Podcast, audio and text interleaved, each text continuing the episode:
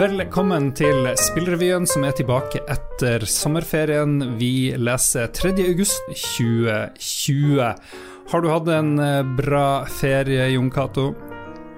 Hadde en eh, herlig sommer på Vestlandet, og den siste tida nå så har jeg stort sett bare sett på video av eh, Flight Simulator 2020. Det er min sommer oppsummert. Jeg begynte min sommerferie i dag, eh, mandag 3. august. Det vil si i morgen, egentlig, siden vi spiller det her inn på søndag. Så jeg har absolutt ingenting å fortelle fra min sommerferie riktig enda. I stedet så skal vi snakke om spillnyheter. Det har skjedd eh, ganske mye i løpet av sommeren. Eh, vi kan ta for oss en del av det som har skjedd, og noe av det som skal skje. Flere norske spill lanseres eh, nå i nær fremtid. 18.8 kommer Hellheim Hassel fra Hamar-studioet Perfectly Paranormal på Xbox, Switch og Steam, der man spiller vikingen Bjørn, som kan ta av seg og på seg kroppsdeler. I uh, september så slipper soloutvikler Mattis Folkestad sitt nye spill Embracelet til Nintendo Switch og Steam. Folkestad vant tidligere spillprisen med det poetiske eventyrspillet Milkmaid of the Milky Way. I tillegg så nærmer det seg release av Dwarfame, et ambisiøst strategispill fra Pineleaf Studio som skal ut i early, early Access i løpet av høsten. Jeg er litt sånn rusten her, kjenner jeg i starten, jo, Cato. Det er ja, ikke helt på skinner. Nei, nå har du, du har hatt podkastfri lenge, selv om du ikke har hatt sommerferie, så det tar nok litt mm. tid for å bli varm i trøya. Ja. Vi skal høre litt fra en av de her utviklerne litt senere i sendinga, men eh, jeg husker at høsten var jo den store høytida før, da jeg var mer aktiv spillanmelder, og det var jo Man drukna jo i Harry Potter-spill, og man drukna, drukna i Call of Duty og alt mulig rart. Er det fremdeles like vanskelig å skille seg ut uh, nå etter sommeren? Tradisjonelt sett så var jo spill og spillkonsoller sett på som leketøy, så derfor var jo høsten den store tida, ikke sant, fordi alle skulle posisjonere seg for julesalget. Mm. Og, og november-desember var liksom de store salgsmånedene, så da var det om å gjøre å ha de største og beste titlene på markedet. Men det er ikke det er ikke det leketøystempelet nå lenger, så at man har begynt å spre det mye mer utover hele året. Det kommer jo det har jo kommet masse stortitler så langt i år, og det kommer masse stortitler på høsten. Men det er likevel sånn at sånn som Fifa og Call of Duty og mange av disse seriene, de kommer som regel alltid på høsten. Ja. Nei, vi så jo at eh, to av de store suksessene til Sony, Last of Us 2 og Ghost of Tsushima, som jo har solgt eh, kjempemasse, det kom jo sånn typisk sommerferie, hvor man Jeg tror ikke man hadde tenkt tenkt tanken å gi ut noen sånne spill på den tida før. Nei, jeg tror nå med korona òg, så er det jo helt gull å slippe sånne spill nå. Det har nok hatt mye å, en del å si for salgstallene, det òg. At folk eh, er tvungen til å sitte hjemme i store deler av verden og trenger spill. Vi nevnte tre norske spill her. Hellheim Hassel, Embracelet og Dwarfame. Hva har du trua på noen av de her titlene? Det er tre sjarmerende spill. Altså Både Hellheim Hassel og, og uh, Embracelet er litt sånn typisk norske indiespill, laga med masse kjærlighet og litt sånn quirky utseende, mekanikker. Masse sjarm i de. Men de, de, de er ikke hva skal jeg si Dwarfame er litt sånn annerledes enn de, for det er litt mer sånn hardcore PC-spill som skal spilles i multiplayer. Så hvis man skulle, sette, hvis man skulle se på de som noen sånne veddeløpshester om hvem som gjør det størst, så tror jeg kanskje Dwarfame har størst potensial, for hvis det treffer dette hardcore PC-publikummet, så kan det bli en, en stor suksess. Vi har tatt en prat med en av de her utviklerne, nemlig Mattis eh, Folkstad, som vant spillprisen før med 'Milk Made of the Milky Way', om hvorfor han har valgt å gi ut eh, et spill satt til Nord-Norge, og hva han ellers tenker om å gi ut eh, sitt andre store spill. Jeg heter Mattis Folkestad. Jeg laga et dataspill som heter Embracelet. Et eventyrspill som er satt til ei fiktiv øy i Nord-Norge nordnorsk setting, eh, både for, for min egen del som er vokst opp på Hamarøy i Nordland, så er jo det utrolig kult å bruke litt av det man uh, sjøl har vokst opp med i spillsammenheng. Men også sånn, på et uh, verdensmarked så er det utrolig kult å, å eh, bruke Nord-Norge eh, som en setting til et spill. For det tror jeg egentlig ikke har vært gjort i noe særlig sånn stor grad før. Nei. Gjør det noe med spillet på noe vis, tenker du? Altså, det, det, jo, eh, det, gjør jo en del selvfølgelig med spillet at det er satt i Nord-Norge, for det handler jo om ting som, eh, som skjer i Utkants-Norge. Med fraflyttingstrua småsamfunn og eh, oljenæringa som, eh, som, en trussel fra, fra, fra sør. Eh, så det handler jo også om ting som, eh, som Nord-Norge og Utkants-Norge strider med til daglig. Er ting stort sett ferdig, eller er det armer og bein akkurat nå? Eh, det er stort sett ferdig, men det er klart, når man skal gjøte både på konsoll og på PC samtidig, eh, så er det utrolig mange små detaljer og små ting som skal fikses opp. Så det er fortsatt egentlig bare mange, mange, små detaljer som gjenstår før det måte, helt, helt ferdig. Men spillet har vært ferdig liksom, nå siden midten av sommeren, egentlig. Så nå er det kun finpussen og finstasen som skal på før det når et publikum. Var det noen ting du hadde lært med det første spillet, som feil du slapp å gjøre flere ganger? Jeg har jo f.eks. ikke valgt å ha det på rim denne gangen, som gjør det litt lettere å oversette til andre språk. Så det, det, har jeg i hvert fall lært. Men så har jeg brukt selvfølgelig masse erfaringen fra Milkmaid til å uh, gjøre det som jeg følte det gjorde bra. Altså, det var en ganske stor overgang å gå fra enkel 2D-grafikk og sånn pikselgrafikk til full 3D og konsoll. Uh, det har vært en ganske stor, uh, stor, jobb med å sette seg inn i en sånn type arbeids... Ja, et sånn, sånn type arbeid. da. Så det har kanskje vært den store vanskelighetsgraden, egentlig, å få både det og gjøre spillet Det er et ganske større spill på, og mer ambisiøst på mange måter. Da. Så det har vært utrolig masse å, å, sette seg inn i og masse å lære seg. Det er jo en mye større base spillere du kan nå denne gangen. Hvordan, hvordan tenk, hva du tenker du om det?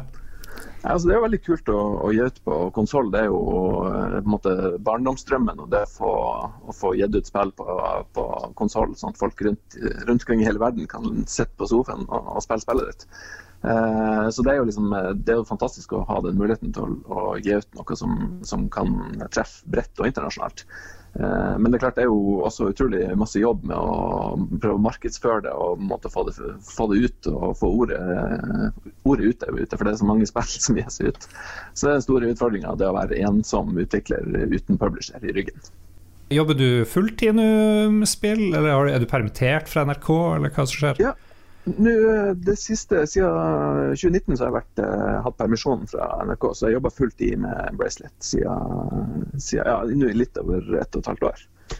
Så det blir spennende å se hva som, hva som skjer nå etter at jeg blir ferdig. Har du lyst til å fortsette å lage spill på fulltid? Å, det hadde jo vært eh, drømmen, det. Hvis det her lot seg forsvare økonomisk, så ville det vært konge. Så vi får se. Det blir veldig spennende å se hvordan, eh, hvordan folk tar imot det her spillet jeg har på med.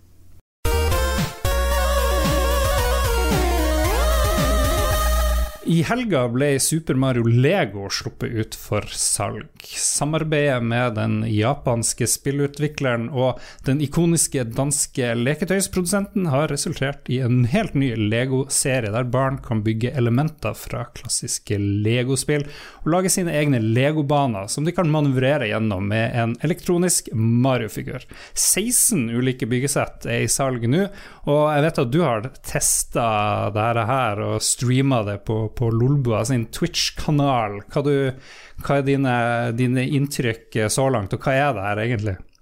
Jeg har gått og grubla mye på det. Jeg var ute på lørdag for å se om det faktisk var i salg. Jeg måtte innom fire butikker før jeg fant en utafor Oslo som hadde alle settene. Så da handla jeg inn noen, og så har jeg streama litt med min sønn på åtte, der, han, der vi bygger sammen, da, og han leker med det. For det er uh, Altså Vanligvis når Harry Potter eller Marvel eller andre samarbeider med Lego Alle disse har jo samarbeid med Lego. Overwatch for eksempel, er et spill som har samarbeidet med Lego. Så, så, blir det liksom Da kan du bygge figurer eller slott eller eh, ting fra disse seriene, og så er det liksom That's it. Det er veldig få som leker med disse Lego-settene. De bygger de, og så står de på utstilling. Ja. Eh, og dette kunne de for så vidt gjort med Nintendo òg. De kunne bygga Peach sitt slott og noe Donkey Kong-hytte eller andre ting. Men eh, Nintendo gjør jo sjelden sånn som alle andre gjør. De tenker litt mer kreativt og leken, så de har prøvd de har, jeg tror de har fått Lego til å, å, skjønne at hvis vi skal bruke Mario, så må du også la barna leke med det. For det her er i høyeste grad Lego som det er ment å leke med. Eh, fordi du har denne Mario-figuren som har en sensor eh, i skrittet, av alle ting. Han har en sånn lyssensor mellom beina sine. Eh, som lyser nedover, og den kan sanse farge og eh, strekkoder og sånn. Så eh, for eksempel en, en fiende har en strekkode på hodet, så når du tar og plumper Mario-figuren oppå der, så får du en lydeffekt fra den figuren, og du får mynter eller andre ting. Så du lar bygge en løype, rett og slett, så du kan bygge helt fritt. Og du kan bruke den legoen du har sjøl òg, og bygge absolutt 100% kreativt. Eh, I disse boksene så får du masse elementer du kan leke med, og så kan du pøse på med din egen Lego òg. Så kan du lage så kompliserte baner du vil, og så kan du, så kan du leke da med å liksom løpe rundt med denne Mario-figuren og hoppe på ting. og, og få power-ups og poeng og mynter osv. Og, så videre, og komme deg i mål. Eh, og som voksen mann så er det her jo ikke noe for jeg, jeg, jo, jeg, prøvde jo å leke meg på den banen, men jeg følte meg jo veldig veldig barnslig. ikke sant? Du sitter med en sånn eh, Det er jo som å leke med actionfigurer eller hva som helst ellers. Det slutter jo de fleste med når de er voksne. Ja. Eh, men samtidig så begynte jeg å tenke på at det er jo strengt at det her jeg gjør når jeg spiller et Mario-spill på skjermen. Jeg sitter jo og leker med en figur på skjermen som jeg styrer bortover en bane over masse hinder og prøver å få mest mulig poeng eller mynter faktisk veldig mange spill er sånn. Så for meg så ble det litt sånn eh, Du møtte deg sjøl i døra der? Jeg møtte meg sjøl litt i døra. Med, herregud, jeg kan ikke sitte her voksen mann og leke med det her. Men, men, samtidig så gjør jeg jo det på, på skjermen. Så jeg, jeg syns det er det er, ikke, det er ikke nok Eller det er, det er en gimmick. Så at du blir ikke sittende og bygge baner i ukevis og leke deg med den, fordi spillet gir deg ikke nok igjen for det det, det, er litt mer sånn uh, samlemani med å la oss kjøpe mest mulig sett, og så få alle disse elementene. Og så tror jeg nok de havner på hylla til de fleste. Mm. Uh, dessverre. Men jeg tror nok uh, forhåpentligvis de som har barn, kjøp det her og, og bygg med barn. Det vil jeg si er vel artig. Det er litt som Nintendo Labo. Det er ikke så artig å spille med det, og de spillene som følger med, men selve den byggeprosessen og hvordan det fungerer, det er litt gøy. Hva syns uh, åtteåringen om det her, da? Han syns det var veldig artig. Han visste til noen kompiser, og så har han lekt litt med det, men uh, det er ikke Han vil bygge mer, da. Så det, det er jo problemet med Lego i dag, er jo det høres ut som en sånn gammel mann, men når, jeg var ung, så lekte jeg veldig mye med Lego. Når jeg hadde rombaser og gikk rundt og plasserte ut menn, og hadde, de gjorde oppdrag og sånn. Mens alle mine unger Jeg har veldig mye Lego her hjemme. Det handler om å bygge. Altså Når du er ferdig, så står det på en hylle. Det er ikke hm. noe leking med det. Til slutt føles det her eh, som noe som har egentlig noe i Mario-universet å gjøre. Det føles som en Nintendo-oppfinnelse, akkurat som Labo og alle mulige sånne sprø påfinn Nintendo gjør. Nintendo WeFit eh, og alt sånt. Det er en sånn Nintendo-tankegang over det her. Så hvis du er fan av Nintendo, så tror jeg nok at du kan kose deg ved å kjøpe ett eller to sett, og så bare bygge og, og ha det litt gøy, og så ha det som pynt på kontorhylla di.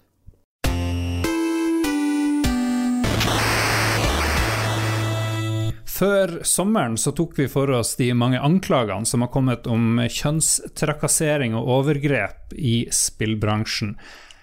Spesielt Ubisoft fikk eh, mye kritikk fra tidligere ansatte, og nå har sjefen Yves Guillemot satt i gang en opprydding. Blant annet så har kreativ sjef Serge Hascouet usikker på eh, fransk, hadde aldri fransk. Og sjefen for Canada-studio, Janis Malat, har forlatt selskapet. HR-avdelinga har også fått en ny sjef. Vi snakka om uh, hvordan kvinner har opplevd det i en norsk uh, spillbransje. og Klarer man å ta tak i det? Hva er liksom ditt inntrykk av det som har fulgt i sommer? Jeg føler jo at uh, man før kanskje fort kunne feie dette under teppet og bare gå videre, så går liksom ikke fokuset bort nå før man gjør litt mer. Så, sånn som Ubisoft har jo loopen vært mot nå i to måneder. Uh, og folk som ble ansett for å være sånn untouchable, de er plutselig borte. Sånn som han Serge, som liksom er uh, Alle jeg kjenner, eller de jeg har snakka med i Ubisoft, som har jobba der noen år, uh, de, han Serge var, Det var liksom han som var toppsjefen i Ubisoft for dem. Altså Det var han som tok alle kreative avgjørelser, og han var en veldig spesiell leder, har jeg alltid fått høre, men mer i positive vendinger enn det som har kommet frem i det siste. Altså Han var en sånn crazy creative som, som uh, gründere og, mm. og, andre elsker. Som er disse impulsive, uh, uforutsigbare, kreative lederne som har, kan ha be alle legge seg ned på gulvet for å ha et møte og sånne ting.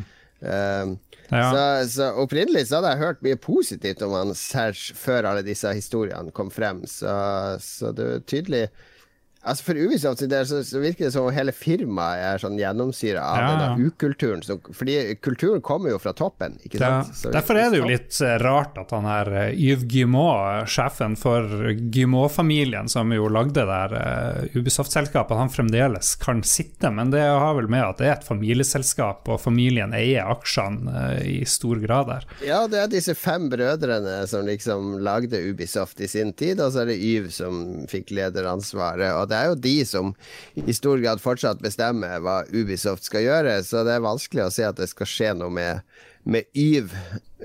Jeg tror vel han har sittet mye på sidelinja og latt Serge og de andre eh, diktere hvordan ting skal være, og så lenge resultatene kommer, så har han vært fornøyd. Mm. Men mm. åpenbart så, så har han skjønt at det ikke går lenger. Ja, jobben vi gjorde i forrige episode er jo viktig. Vi snakka jo der med mye flinke folk, og en av meldingene er jo at, at man må utdanne seg sjøl. Spillselskapene, hvis vi snakker om norsk spillbransje, må, må, må være flinkere og tenke på uh, nummer én, problemet eksisterer. Nummer to, hvilke rettigheter er det man har. og, og HR-kapasitetene eh, må kanskje, kanskje, trenes opp eh, til å bli flinkere, men så er det vel også et, i bunn og grunn et slags samfunnsproblem, tror jeg.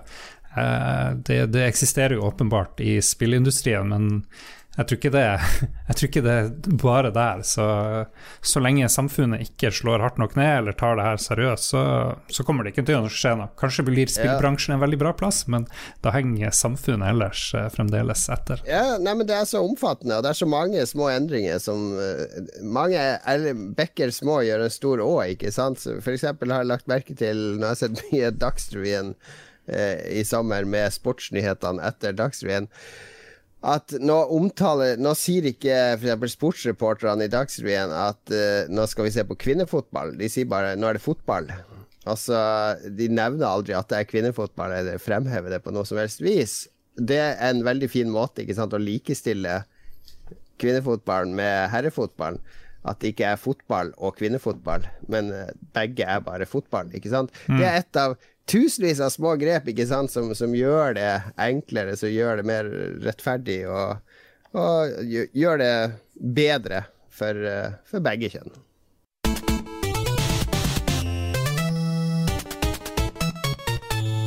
Selskapet Analog, som tidligere har lagd retrokonsollene Mega SG og Super NT, sier at de i mai neste år slipper den håndholdte Analog Pocket. Og maskinen ser ut som en meget sexy og kul vri på en Gameboy, og den spiller da Gameboy-spill, Gameboy Color, Gameboy Advance, og hvis du bruker en adapter, så kan du også slenge inn Atari Lynx, Game Gear og Neo Geo Pocket Color, og muligens andre ting. Eh, de skrev vel et cetera, så jeg vet ikke om det kan komme mer i tillegg. Jeg sjøl eh, syns det her så fantastisk spennende ut, uh, inntil du minte meg på like før sending prisen uh, på det her, hva den skulle koste, Jon Cato. Ja, de analog, alle de spillmaskinene de lager, er jo litt sånne luksusmaskiner som skal fungere med moderne displays og sånne ting, men den her koster vel 200 dollar, og det er uten sånn docking bay eller disse tilleggstingene du trenger for å spille Lynx og Game Gear-spill. Ja, nei, det er dyrt, men jeg har veldig lyst på en sånn, kanskje mest av alt fordi jeg har ganske mye eh, Gameboy Color og Gameboy Advance-spill i tillegg til to Atari Lynx eh, liggende, som er ganske dårlige, som jeg har lyst til å få nye skjermer på og sånn, men det virker som om den her kanskje liksom kan gjøre susen eh, enda bedre. Ja, nei, det, er, det, er, det er jo sånn samlergreier, det her. Uh, ja. Spørsmålet er jo hvor mye den blir brukt, og jeg frykter at det blir ganske lite. Men, men uh, vet, vi, vet, vi, noe om hvor stort markedet er for sånne her eh, tredjeparts uh, Det er jo ikke en offisiell greie.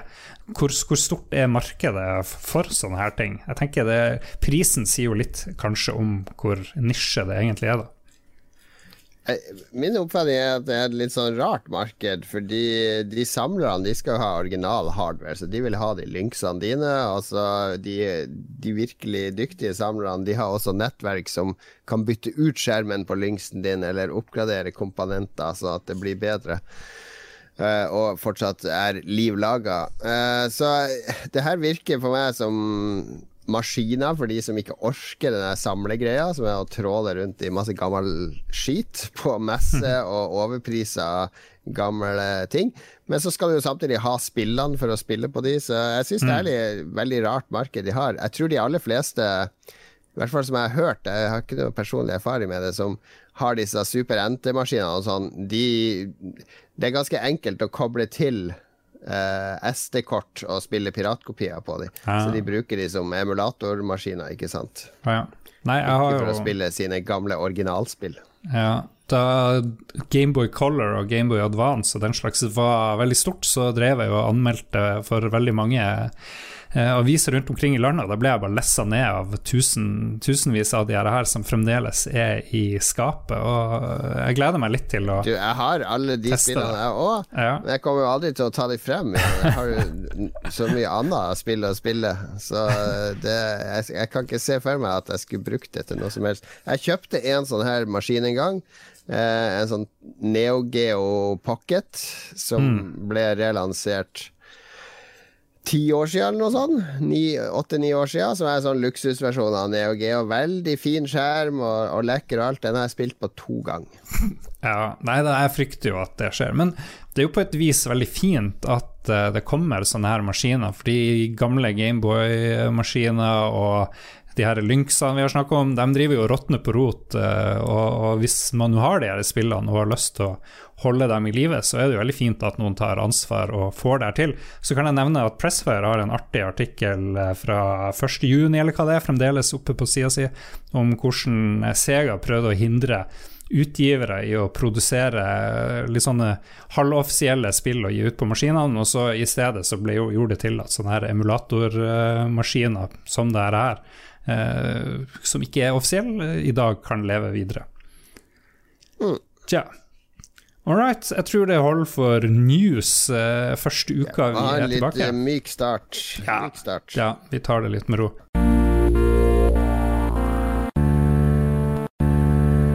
Det har vært en del spillanseringer i sommer da vi kan snakke om.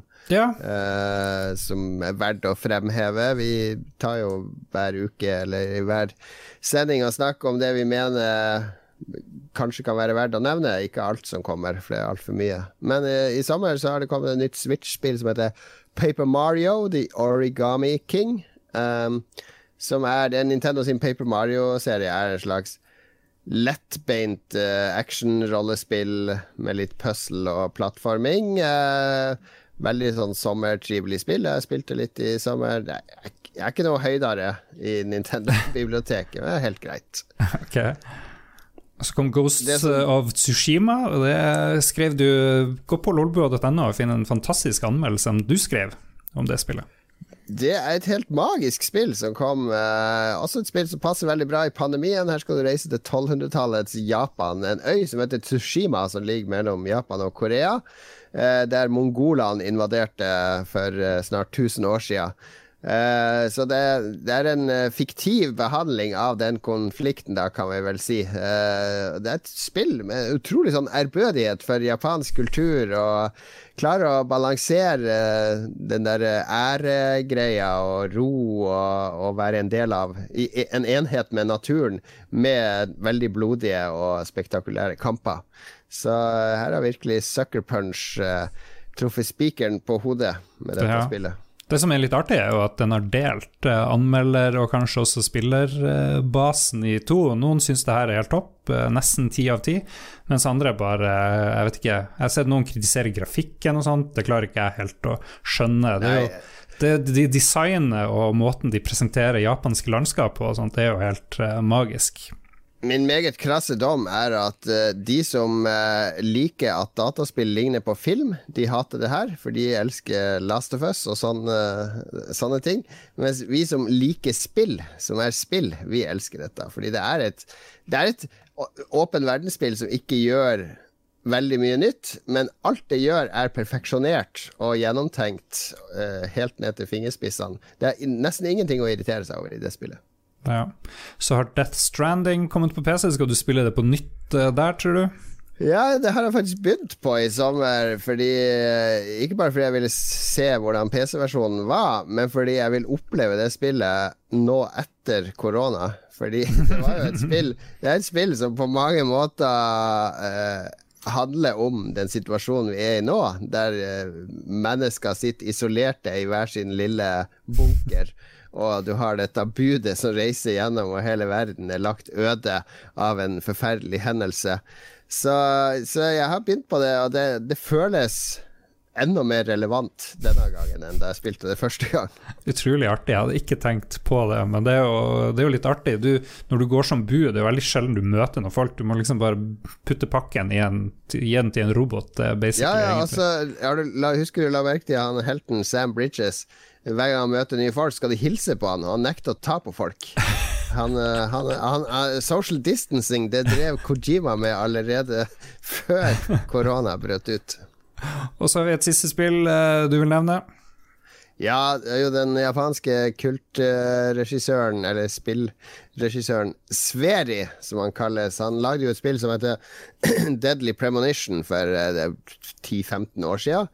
Som ble et sånn kultspill på Xbox 360 og, og PlayStation 3 fordi det var så utrolig dårlig, men samtidig så var det et eller annet som gjorde det veldig fascinerende. Det, Sveri var veldig opptatt av Twin Peaks, så det var, det var, det var som en gal japansk blanding av Silent Hill og Twin Peaks, med masse bugs og dårlig grafikk og, og bisarr dialog. Så det, Velfortjent nok så ble Deadly Premonition Det spilte jeg masse. Det, det har en sjarm i sin naive uh, tilnærming. Men Deadly Premonition 2, det er bare en kalkun.